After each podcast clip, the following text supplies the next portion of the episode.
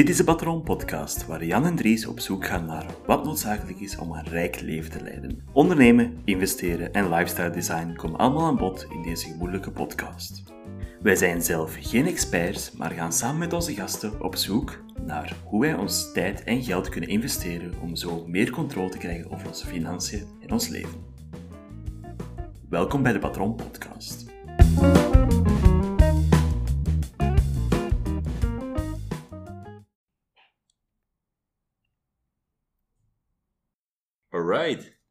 Goedemiddag, Jan. Goedemiddag. Episode nummer 5 ondertussen al. Wie had dat durven dromen eigenlijk? is gestoord. ik vind het ook een beetje raar. eh. Ook, wat in het begin, hè, we, we wilden er 50 maken op een jaar, maar wie had al gedacht dat we aan 5 gingen geraken? hè? Ik vind dat, Ik vind op zich ook wel, eh, zeker als je kijkt, we zijn uiteindelijk twee maanden ver, we hebben er nu vijf gemaakt. ja. En het is niet helemaal volgens plan gelopen en dergelijke, maar toch, als je al op episode 5 zit, twee maanden, dat is eigenlijk 30 per jaar. Ja, dat Eigenlijk zit je niet zo heel ver van het eh, schema van de 50 te halen. Hm? Dus ik denk zeker dat dat eigenlijk een zeer mogelijke... Het is nog altijd haalbaar, inderdaad. eh. En, nog twee, en we mogen dingen, Kerry Vaynerchuk en of James Altucher vragen. Die hebben zo mentaliteit van, je mocht ons vragen, kom, ik kom sowieso af naar de podcast, maar wel pas na zeven of acht, acht, acht, maar zeven of acht afleveringen, dat we dan zeker zijn dat je het wel serieus meent. Dus, eh Het is ook zo dat de meeste podcasts falen rond episode 7. Dus we zijn er eigenlijk al bijna. Dat is omdat, ja, op deze manier eh, houden mensen het niet zo heel lang vol in de podcastwereld. Oh, Als je kijkt online, de meeste podcasts, zeker als je niet filtert op de meeste downloads, dan, eh, dan zie je echt dat de meeste stoppen na episode 5 of 6. Wow. Dus we hebben nog genoeg inspiratie voor te blijven gaan. ja, dat is En zeker. motivatie. Motivatie en meer motivatie dan. Nee, ja, het is 50-50. Het is, Er zijn nog genoeg ideeën voor over te lullen. er zijn meer dan genoeg ideeën om over te lullen. Dat is zeker. Ja, het is nu twee weken na de vorige aflevering. De, dat ligt voornamelijk aan mij dat schema nog niet, eh, niet, definitief zit. Maar eh, dat komt ook voornamelijk ja, voorbije week. Dus het is weer wat drukker geweest. Ik zit echt bijna in mijn huis, dus eh, al die admini- administratie komt er nu een keer bij. En dat is echt, eh, ja, je kunt er ook van meespreken, dat is verschrikkelijk toch? Al die bankenbezoeken, administratie bij de gemeente. Ja, het is een, heel proces om door te gaan, maar het is wel de moeite waard. Het is bij mij ook even geduurd. de kleine verbouwing dat je toch wilt doen. En alles soort zaken komt er gewoon bovenop. Nu dat ik erin zit, is het wel echt een topgevoel. Nu dat alles afgerond is, heb ik ineens veel tijd. Ik hoop dat ik dat binnenkort ook kan zeggen. ah. Het is ook zo, het neemt zoveel tijd van je in beslag, zo maanden aan een stuk. Dat je, want vanaf dat dat klaar is, is het echt zo... Hmm, wat ga ik nu met mijn leven doen? De podcast maken blijkbaar. eh. Ja, voilà. al het editen en dergelijke is wel wat werk. Dus het is wel belangrijk van er genoeg moeite in te steken. En speaking of editing, eh, ik heb iets, hier, iets in mijn handen gekregen van jou daar juist. Ja, eh, in de vorige episode zal je waarschijnlijk gemerkt hebben dat er eh, af en toe een pen op tafel valt en eh, dingen vallen. En dat is moeilijk voor altijd uit te editen. Dus nu heb ik hem iets anders gegeven, zodat hij zeker stopt met de pen te laten vallen. Het is, het is een, een stressballetje in de vorm van een vliegtuig. Het Maar het helpt toch? Ja, dat wel. Ik ben voorlopig echt niet gefocust om dingen vast te pakken. Dus voorlopig, United Cargo, dankjewel. Er zal wel een foto van verschijnen ergens ooit. Maar we kunnen op Instagram zetten, want we waren deze week ook bezig om dingen... eh, ja, we waren bezig met copy te maken, toch? Ja. Ja, zeker. We waren bezig met de eerste post Ja. maken voor eh, de Instagram-pagina. Zullen we even toelichten anders? Het kan, hey, het kan interessant zijn, want er zat, het was maar een korte zin, maar er zat wel een boodschap achter. de voornaamste boodschap in deze post was van, ja, kijk, wij hebben een financiële podcast en waarin verschilt die? In het feit dat wij eigenlijk geen dingen proberen te upsellen. Er is geen course die wij stellen, er is geen consulting of dergelijke, er is geen traineeship, we zijn geen gurus, we zijn gewoon idioten die zelf proberen uit te zoeken hoe investeren werkt, hoe financiën ondernemen werkt. En we nemen jullie mee op de hele zoektocht. Ja, En dat is eigenlijk een eh, citaat van de eerste episode waar we zeggen van ja, dit is hetgene wat we willen brengen. Ja, inderdaad. En het is ook... Ik vind dat je dat perfect verwoordt. Want zo, als iemand aan mij vraagt, waar gaat over de podcast over? ja, we zijn echt gewoon... Ik vind het woord idioot nog gepast. Wij weten er echt, echt ja, voorlopig nog niet zo heel veel van. En het is een zoektocht. En ik denk dat mensen echt er veel gaan gaan hebben aan de dingen dat wij nu... Uh, het is dat... Onze en, zoektocht eigenlijk. Uh, je, kan, je kan beginnen met podcasts van top-investeerders en dergelijke, maar het is ook, in hoeverre heb je daar zelf iets aan? Ja, inderdaad. Het voelt misschien ook goed van te zien van, ah ja, niet iedereen weet perfect hoe alles werkt. En... Maar hey, we proberen. Zeker. Maar vandaag gaan we het niet over investeren of zo hebben. Het gaat eigenlijk over een filosofie die ik al een tijdje in mijn leven heb geïntroduceerd. Het was eigenlijk de eerste podcast waar ik consequent naar luisterde. Ook. En dat was uh, de podcast van The Minimalist. Goedje niet. Ja, ja dus uh, voor mij was dat een van de eerste podcasts op het einde van mijn universitaire loopbaan, waar ik echt elke week naar luisterde. Ik heb op een gegeven moment, denk ik, alle episodes gebinged af achter elkaar. omdat omdat het voor mij ook een zoektocht was naar, oké, hoe ga ik mijn leven zelf inrichten na de universiteit en al dat soort zaken. Dat waren twee dingen waar ik focuste. was enerzijds van, ja, hoe ga ik met geld moeten omgaan, hoe ga ik met spullen omgaan. En anderzijds, hoe ga ik investeren en dergelijke. Dat was mijn andere podcast waar ik veel naar geluisterd heb. Maar... En hoe is dan hier eigenlijk bij... Sorry dat ik je onderbreek, maar hoe het dan hier eigenlijk op terechtgekomen? Want het is een niche toch echt? Want het is, destijds was het zeker een niche. Nu is het meer en meer mainstream aan het worden. Destijds ben ik daar beland via de hele digital nomad ah, scene. Dat is misschien voor een andere episode. Sowieso voor een andere episode. Maar een van de dingen die zij doen is, ja, ze trekken heel veel de wereld rond.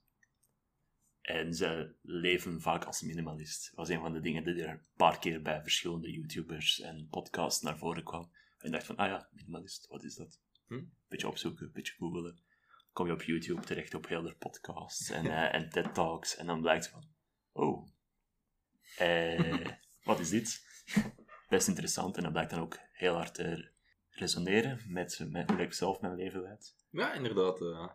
Dus dat is zo'n filosofie waar je van denkt van, ah ja, dat is wel, dat slaat eigenlijk echt aan bij hoe ik zelf denk over de zaken.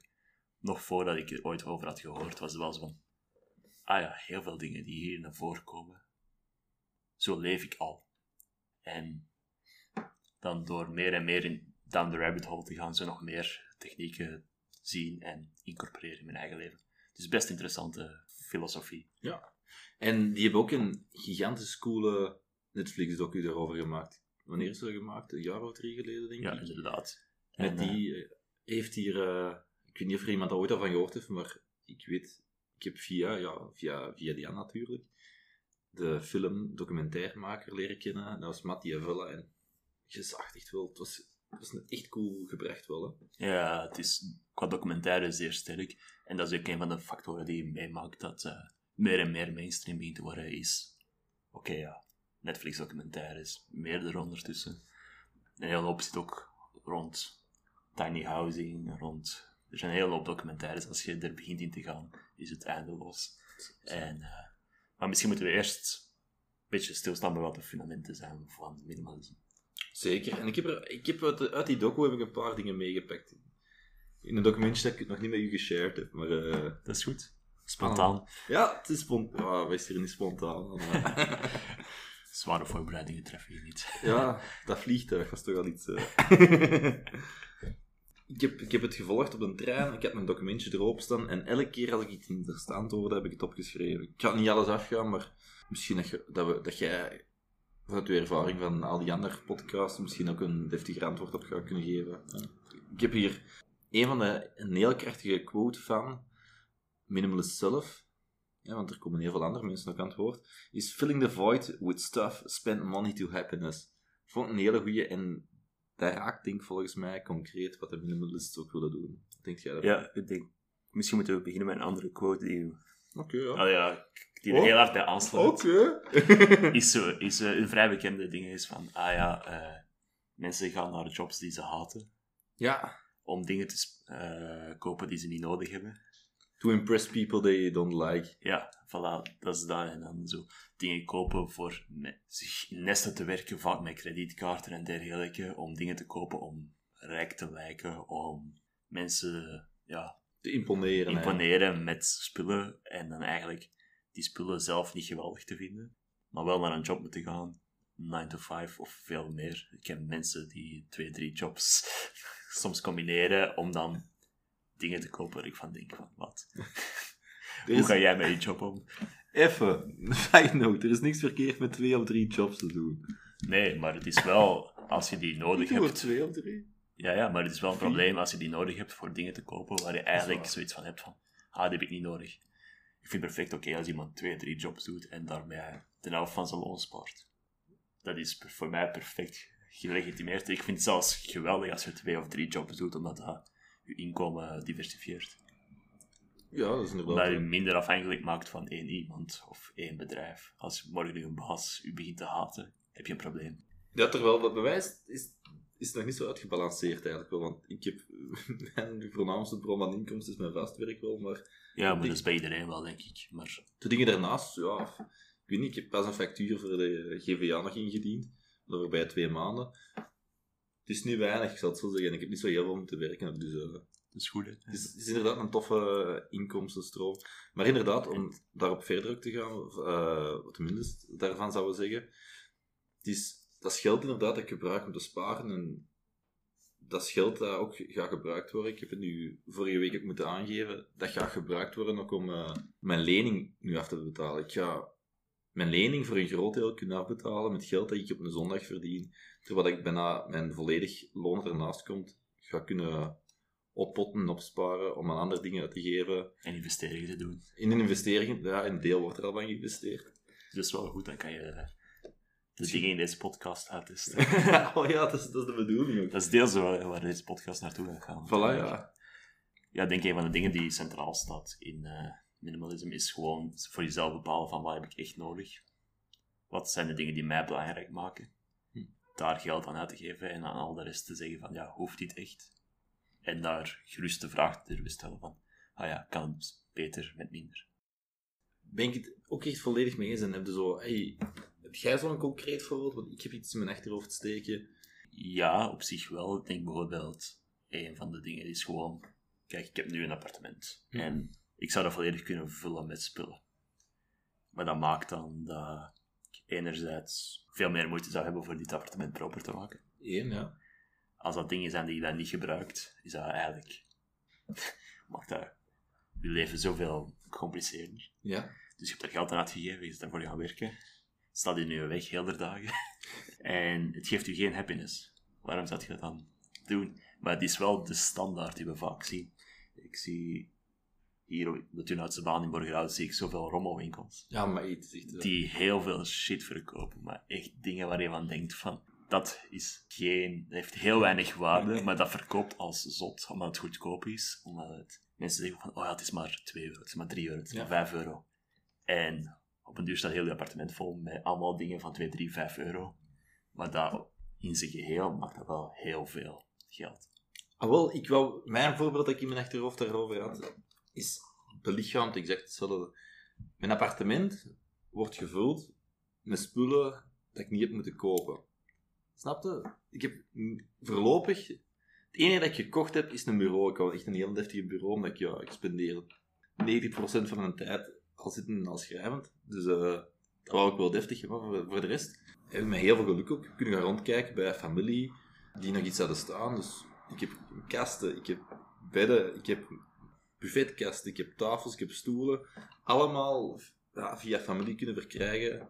Ineens een gevuld huis. En gevoeld huis heb, zonder dat ik er eigenlijk iets... Want ik wou er zelf ook niet te veel aan... Hey, het interesseerde me ook niet zoveel hoe dat eruit gaat zien of. En al. Maar dat ik wel al mijn eh, basic spullen heb. En meer ga ik er ook niet insteken. Een tweede voorbeeld waar ik aan dacht, en dat heb ik deze week nog, nog meegemaakt. Ja, het was aan het regenen. En eh, ja, ik heb, één, ik heb één een dikke jas dat ik altijd gebruik. En ik vraag de vraag, alles, ge- ja, ik heb hem nu ook, ik had hem er juist ook aan. Die heeft geen cap. En dan ook krijg je de vraag van, koop een jas met een cap. En dan op een duur, hoeveel ga, je kast, en dat is het voorbeeld dat mijn stok aanhalen. Op een duur ga je dan een kast hebben met 18, 19 jassen. Terwijl dat je er toch ma maximum maar één aan doet. En dan maak ik ook de overweging van, fuck it, ik ben content met de ene, dan wordt mijn kop maar, maar een keer nat of zet ik een hoed op. Ik moet die extra spullen, die kan allemaal niet hebben. Nee, dat is zeker. Dat is een van de dingen. Kledij is voor mij ook een van de grootste we- improvements die ik gedaan heb sinds dat ik echt actief minimalisme heb in mijn leven geïncorporeerd. Omdat bijvoorbeeld, ik was er gisteren over aan het nadenken, sinds augustus heb ik geen kledij meer gekocht. Ja. Dat is compleet gestoord, aangezien het nu maart is. en toen was het ook enkel omdat het nodig was voor eh, mijn Thailand-reis. Waar ik drie weken had rondgetrokken dat ik nog extra kledij nodig had. En het enige andere dat ik gedaan heb, is in november schoenen gekocht, omdat ik mijn schoenen kapot gekregen had. Maar dat is meer en meer is het enkel om dingen te vervangen en niet om nog extra in mijn leven te incorporeren. Ik zit in e- exact dezelfde fase momenteel. eh. Want ook een van mijn broeken is juist kapot gegaan, dus ik moet een nieuwe broek gaan halen. Maar het is ook echt, ik shop niet meer omdat, om dingen extra erbij te kopen. Ik heb mijn bepaalde sets kleren. Hiermee moet ik het doen en ik, ik zou alleen maar iets aankopen om hetgeen dat kapot is. Ja, een gat. Ja, hier zat letterlijk er zat een gat in mijn broek, wat echt heel raar was. Eh, om dat te kunnen Dat is toch vervangen. mode? ja, maar niet op de, het, was niet, het is mode, maar niet op de plaats waar ik mee ga. Dat was echt een beetje gênant. Ik het zo zeggen, no further details. Ja, ik koop nu effectief alleen maar gewoon om bestaande dingen te vervangen. En zo bespaart, ey, zo bespaart ook... eh, we zouden een keer moeten meten hoeveel dat we dan besparen. Wel, het is heel moeilijk om te besparen, allee, om het te kwantificeren. Want heel veel van de dingen die ik nu doe, is bijvoorbeeld veel kwaliteitsvolle spullen kopen. Denk, de schoenen die ik dan in november gekocht heb, was de eerste schoenen die ik kocht in anderhalf jaar. Maar die waren wel bijna 200 euro. Wow, dat is wel, dat is wel redelijk hoor. En ik ben er nog steeds heel blij mee. Dus het is wel schoenen die ik elke dag draag. En dat kan natuurlijk enkel als je niet heel elke week schoenen koopt. Hm. Als je elke twee weken een nieuw paar schoenen koopt, kan je daar moeilijk 200, 300 euro per keer aan uitgeven. Dat is de trend die ik nu gemaakt heb. Hoe dat ik minimalisme echt incorporeer, is veel minder kopen, maar veel kwaliteitsvollere dingen kopen. Ja, daar ben ik het ook mee eens. En ik zie hier op mijn lijstje nog iets staan dat er redelijk erbij op aanvult. Een van de dingen, ook weer het wordt ook gezegd door de minimalist, eh, zijn de ook vrij memorabele woorden living paycheck to paycheck to buy more stuff. Merkt jij nu ook, dat je de minimalistische optiek en filosofie genegen bent, merkt je nu ook dat je meer geld overhoudt op het einde van de maand? Zeker, zeker. Het maakt zoveel groot verschil, omdat zeker 10, 20 euro hier en daar, dat heel snel op. En het was dan... En als je dan denkt bijvoorbeeld van, ah ja, ga ik op een zaterdag doen. Ga je shoppen, is heel gemakkelijk gezegd. Zeker omdat je hier in Antwerpen woont. De meijer is niet zo heel ver. Toen had ze bank kan je gewoon afgaan en honderden euro om dingen kopen. Er zijn heel wat opties voor je geld uit te geven aan kledij, aan de nieuwste tv, de nieuwste eh, upgrade voor dit of dat. En als je dat niet begint te doen, is dat echt ineens een paar honderd euro per maand gemakkelijk. Ah, speaking of tv's. Mijn tv, dat iemand mag te binden, heb ik ook via via iemand kunnen krijgen, dus ook niks aan uitgegeven. Voilà, ik heb zelfs geen tv meer. Dus. Bewust. Hoe zit je dan nu bij PlayStation 2 dan? Ik heb geen Playstation. oh. Het is eh, een ripple-down effect natuurlijk. Je geeft daar geen geld aan en daarom ook niet aan dat, en daarom ook niet aan dat, en daarom ook niet aan dat. En op een duur stelt dat heel hard op. Ja, inderdaad. Eh, een van de dingen die ik bijvoorbeeld zelf, ja, hoe kan het dat ik redelijk wat geld kan sparen ook, is door een roommate situatie. Maar ik weet toen ik hier in het begin kwam, dat heel wat volk zei, ah ja, die kamer die kan je dan gebruiken als je dressing. Ja. Als je dressing. En ik denk mij van, wat? Zoveel eh, gigantische ruimte voor het te gebruiken als dressing. En dacht ik mij van, hoe kan je hier... dan moet je wel heel veel spullen hebben. En, maar dan zie je wel gemakkelijk van, ah ja, alleen al daar verdien ik eigenlijk veel geld. Gewoon omdat ik geen geld heb uitgegeven aan kledij. Ah, wel, dat snap ik ook. En in a way, it's, het is nu een storage unit, hè. Maar je stoort dan dingen erin, de zon erin. Allee, ja. Het is een soort van storage unit, inderdaad. En zeker in Amerika is dat een enorme plaag, eh, storage units. Waar Ja. mensen dingen kopen en geen afscheid kunnen nemen van spullen. En waar ze blijven kopen en blijven kopen. En op een duur. Een van de grootste economie, eh, een van de grootste sectoren daar is self-storage. Ja, dat, dat vond ik ook raar, want dat komt echt heel prominent in die docu naar voren. Mensen dat effectief echt gewoon een garagebox hebben om gerief in te steken, dat vergeten, maar dat wel elke maand een bepaald bedrag voor op, eh, neertellen om dat te kunnen hebben, om ze geen- niet kunnen, geen afscheid kunnen nemen van die spullen. Vond ik heel... Zelfs in België is dat een groeiende economie. Echt? Ja, ja, maar minder prominent als in de VS. Maar hier de meeste mensen nog wel net iets meer afscheid kunnen nemen van de spullen. Maar ja, het is zo compleet gestoord eigenlijk. En ik ken genoeg mensen in Vlaanderen die ook effectief een garage hebben waar meer spullen in staan dan wat anders. En die daarom eigenlijk hun auto niet kunnen binnenzetten. Funny story, bij ons is dat momenteel ook, maar dat is omdat Voilà. al mijn meubelen daarin staan die ik binnenkort eh, ga verkassen. Maar dat is de, tijdelijk. Maar Inderdaad. tijdelijk wordt heel snel permanent. Ja. En ik heb dat bij mijn ouders ook gedaan. Inderdaad, de garage volledig gevuld op een gegeven moment. De maanden voor mijn verhuis naar hier. En daar waren ze er ook niet altijd even blij mee. Zeker als het zo eh, nog wintert en eh, ineens zo moet krabben, dat is wel problematisch. Maar er zijn heel wat mensen die hun garage volledig vol staat met spullen. vind ik echt een... een- ja, ik, ik kan me niet direct zo iemand voorstellen. Bij mijn kameraden, maar... Want ik ben dan opgegroeid in Middelbroek, wat een beetje moerasgebied is bij momenten. Mhm. En wij hebben eigenlijk om diezelfde reden geen eh, kelder en ook geen zolder. Want wij wonen deels op de zolder. Dat is En, dat is en dat maakt dat wij inderdaad veel minder mogelijkheden hebben om dingen op te slagen. En dat merk je wel als je bij andere mensen komt. Dus, ah ja, de zolder, daar staat dat en dat en dat en dat en dat en en. Dus, waarom heb je nog kinderbed staan? Ja, Zo ja, dat is voor als. En ik, ja, oké. Het is voor wanneer de kinderen ook kinderen beginnen te krijgen. Ja. Nee, maar nee, want dat is nog 15 jaar minstens. je hebt de zinnen nu. hè. Je kunt moeilijk in zo'n kinderbed steken. Nee, maar dan, dan merk je nu ook wel als je het huis van je grootmoeder moet leegmaken, dat er spullen staan gestockeerd hoog, waar niemand nog iets aan heeft. En En je merkt echt wat de minimals aanhalen van... Hè, die had het voorbe- voorbeeld van 18 jassen ook aan. Ja. Dat merk je nu ook eh, bij het leeghalen. Zeker, dat was destijds ook bij mijn, eh, bij mijn andere grootmoeder, waar kasten vol met bontjassen die ze nooit droeg. Blijkt dan achteraf dat ze ook die maar ook gekregen had van mensen. En, eh, omdat die ook zelf de bontjassen niet dragen. Maar dat is te goed voor weg te doen, weet je wel. Ja, ja, tuurlijk. En dat is een beetje problematisch op een uur. En ik vind... Sorry dat ik u weer al onderbreek, maar ik, ik vind het cool waar we nu juist daarna komen, want we gingen mensen voor, vorige keer iets beloven. Weet je nog wel dat je het over hebt? Vorige keer waren we bezig over, je was het, het huis aan het leeghalen en je hebt iets ontdekt. Ja, maar dat was uiteindelijk in de, het einde van de episode dat ook wel dat, van wie dat kwam. Hebben we dat opgenomen? Ja. Oké. Ah, sorry. Dus Last als, je, als je de volledige aflevering niet gelezen, eh, gehoord hebt, uh, revealen welke schilder dat, eh, dat Jan eh, gevonden heeft. Maar het staat nog steeds ook op tweedehands, dus eigenlijk, eh, ik weet niet wat de antiekhair er zo'n goede deal aan gedaan heeft. En voor hoeveel geld staat het online? 2800, denk ik. Maar het is niet verkocht, dus uiteindelijk is het misschien vooral een teken dat niemand het in zijn huis wil hangen. Misschien dat er binnenkort een museum langs komt voor eh, er wel geld aan moet spenderen. Maar zo zijn we nu. Want als en als en als dan. Ja, maar zo kan je bezig blijven uiteindelijk. Dat vond ik een interessante. En die komt ook heel vaak bij die minimalists en bij die eh, digital nomads voor. Every item you buy has to serve a purpose. And how do you decide on the purpose? Well, I decide on the purpose. Eigenlijk, een beetje vertaald. Elk voorwerp dat je in je huis hebt staan, moet een doel hebben. En het doel, dat, eh, dat ligt er zelf op. Ja, Zijn er zo dingen dat je hier... eh, ik zie nu een keer rond. Volgens mij served everything here a purpose. Maar, is dat ook iets echt waar dat je bij liggen nadenken toen dat je...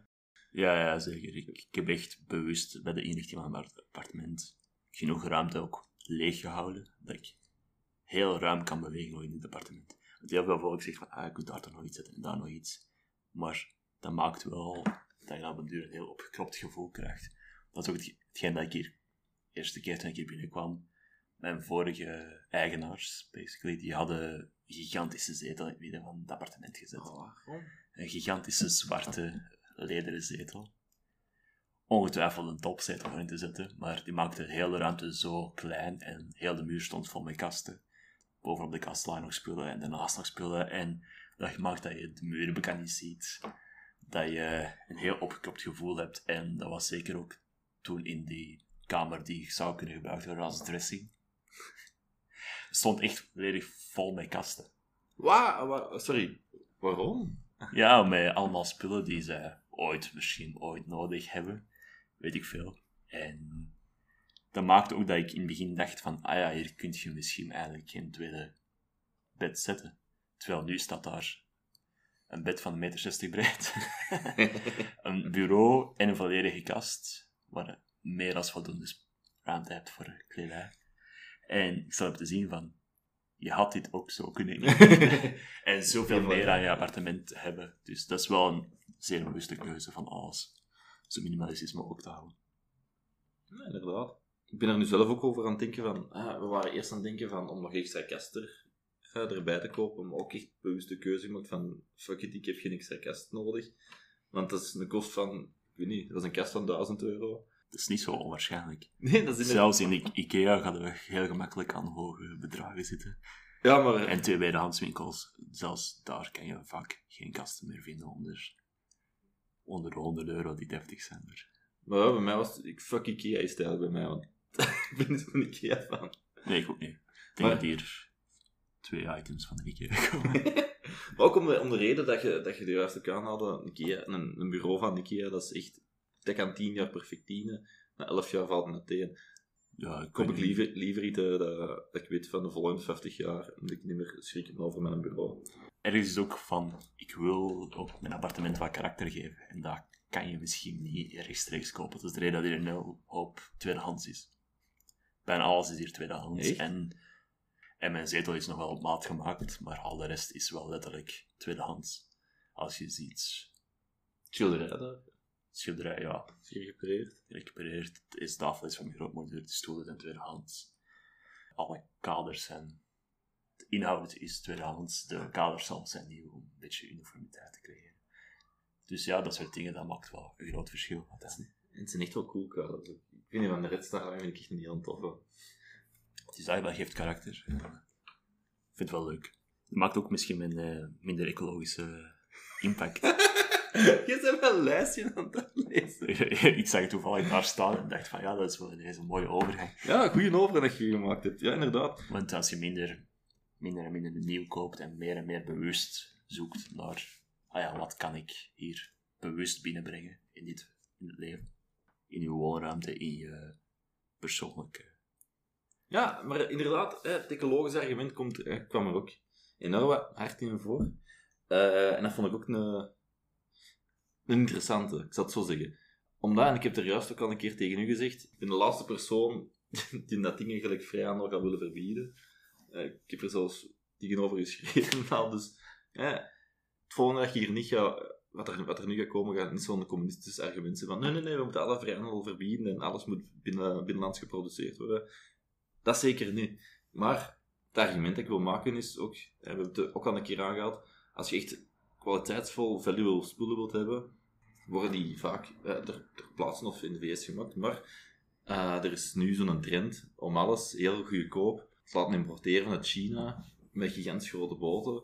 Dat is niet altijd even ecologisch. Dus daarmee vind ik ook dat minimalisme wel een goed tegengewicht kan zijn tegen, niet tegen, voor ecologie. Want eh, het is een manier om meer bewust... Hey, dat is, het is een argument dat je kunt gebruiken om dat min- minimalisme ook te promoten bij andere mensen. Dus van, denk, denk een keer na over al die, die rommel dat vanuit China naar hier moet komen. Dat kapot is na drie dagen en dat je dan niet nieuw moet kopen, ook terug.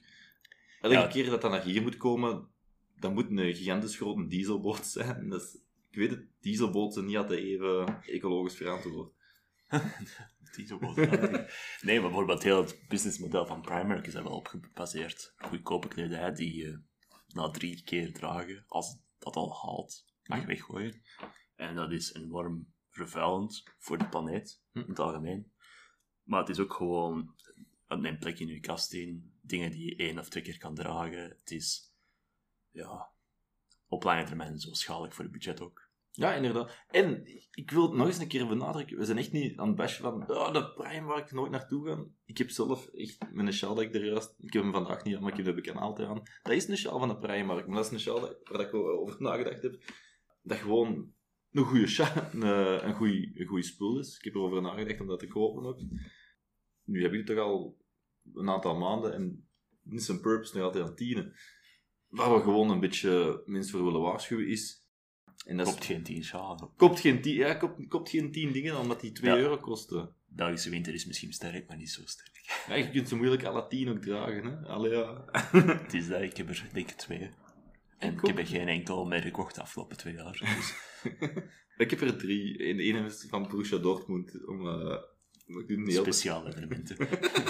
maar daarmee... Ik vind dat in het algemeen wel vrij belangrijk als je bijvoorbeeld ziet, je grootouders, dat is niet zo heel lang geleden, die hadden vaak maar zes, zeven outfits. Ja. En die dat, zagen er ook altijd goed uit.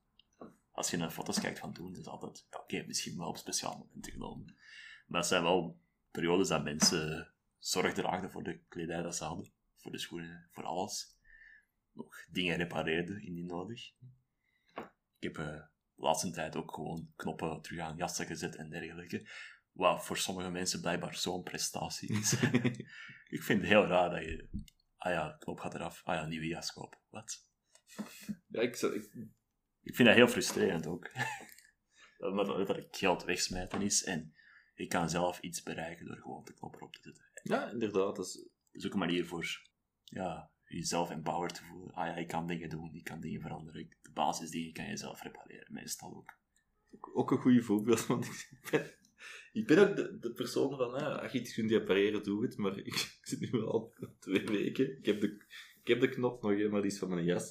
Ik heb ze nog altijd niet aangedaan, maar ik ga dat wel eens, uh, ik ga dat wel eens ooit een keer doen, maar dat gaat wel... Uh, maar beter dat dan opnieuw. Uh, oh ja, iets bij te kopen. Dat is toch mijn mening.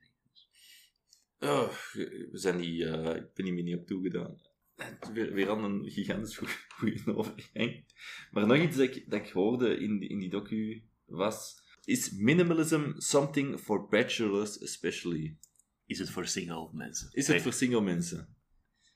Ik vond... Ey, het voorbeeld komt er ook... Ey, het komt vaak terug van... Uh, welk... Ey, wat we nu dan niet altijd aan het zeggen zijn uh, komt terug van uh, welke, valuable, welke waarde hecht aan die spullen. Dat zijn dingen dat je individueel inderdaad allemaal doet. Maar in, in, in de documentaire laat ze ook zien dat dat echt duidelijk ook met twee gaat. Want we hebben die mensen met een tiny house daar gezien. Die leven daar met twee en die hebben alle, op alle twee gedecide welke dingen dat ze willen wegwerpen en welke niet. Dat was soms moeilijk, maar je zag hoe gelukkig dat die mensen waren in die documentaire is niet per se iets dat je moet doen als single persoon. Ik denk dat je dat perfect als koppel zou kunnen doen. Ook al zijn we geen experten op het gebied van uh, samen zijn met mensen, maar... Nee, maar ik denk wel inderdaad... Het is gemakkelijker voor te implementeren als je alleen zelf de beslissing moet maken. Ah, dit is belangrijk, dit heeft waarde voor mij. Het is heel moeilijk voor die beslissing voor iemand anders te maken ah ja, dit heeft meer waarde dan dat. En dit heeft, dat is heel moeilijk voor te zeggen voor iemand anders. Maar je kan er wel, als je zeer open communicatie hebt, is dat zeer gemakkelijk te doen, denk ik. En het maakt ook dat je misschien minder conflicten gaat hebben op termijn. Als je ja, minder geldzorgen hebt, laten we het daar al reduceren. Stel dat je minder geldzorgen hebt, ga je misschien minder conflict hebben onderling. Ja, dus dat is een heel directe manier dat minimalisme kan leiden tot kwaliteitsvolle relaties. Ja. En ook als je minder bezig bent met het accumuleren van spullen, ga je misschien meer tijd of geld spenderen dan, ah ja, ik ga samen met die persoon uh, koffie drinken, uh, iets goed gaan eten. Dat is een andere manier voor je geld uit te geven dan de accumulatie van spullen. En dat is ook een van de key points voor mij uiteindelijk. Hoe dat ik ervoor voor minimalisme al heel op implementeerde was choosing experiences over stuff. Ja. Ervaringen boven de accumulatie van spullen zetten. En dat is voor mij altijd al heel prominent geweest. Als mensen vragen van, ah ja, wat wil je doen voor, wat wil je hebben voor kerstmis of dergelijke. Wat wil je hebben voor je verjaardag? Ah, iets doen. Dat is altijd een antwoord, omdat zoveel leuker is en zoveel krachtiger. Dat is bij mij 100% hetzelfde ook het voorbeeld van kerstmis, wat heb je graag voor kerstmis, is bij mij altijd, geef, geef me bons voor uh, op reis te gaan. En ik weet niet naar waar het nu was. Ik denk dat we toen naar, naar Ierland ben gegaan, eigenlijk met het budget dat ik had gekregen voor, mijn, uh, voor, uh, voor kerstmis, denk ik. Dus 100% met die mindset tegen. Het is inderdaad ook het is leuker om... Ervaringen te delen dan voor... Ah, inderdaad. Ik heb ook zo met mijn housewarming van een bepaald aantal mensen zo bonnen voor te gaan eten in de buurt gekregen. En dat is wel super chill, omdat je dan zoiets hebt van, ah ja, dat is iemand die zegt van, ah, dit, dit is een leuke plek waar ik graag kom. Waar het eten goed is, waar dat. En hier is een bon, zodat jij die ervaring ook kunt hebben. Dus dat is al een manier dat je kan zeggen van, cadeaus geven en dergelijke. Daar is ook een minimalistische manier van. Ik ga de laatste tijd nog een pak verder en ik heb ook gewoon een keer gezegd van ik moet niets hebben. Maar als je dat... Vroeger was niets hebben, gewoon, ah, ik heb eigenlijk geen idee wat ik moet hebben. Maar ik ben meer en meer duidelijk aan het maken aan mensen van, ik moet ook echt niks hebben. Nu, toen zo me denk, heb ik u eigenlijk een housewarming cadeau gegeven? Eh, nee. Of ik denk... zou dat kunnen? Dat al dat modderpools drinken dat u heb gegeven voor... eh, Volgens mij heb je dat allemaal zelf terug.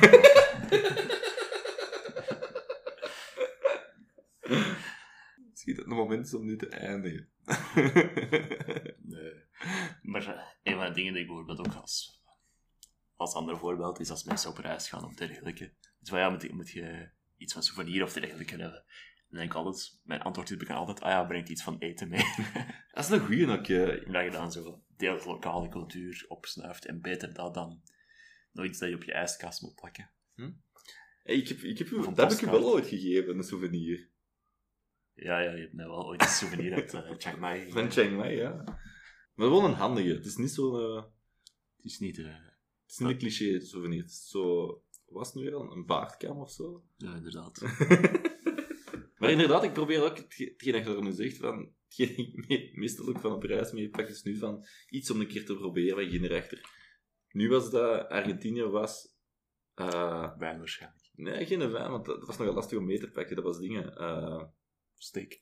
Argentijnse steak. die heb ik geen rechter heel vaak gegeten. Matte. Matteo, oké. Echt niet zo, zo super lekker, maar het is wel wat je in de rechter. En als ik nu er af en toe nog eens een keer een kopje van zet. Want ik heb zo ja, de Matte maatbeker. Ik weet niet hoe het juist heet. Het heeft zo'n speciale naam.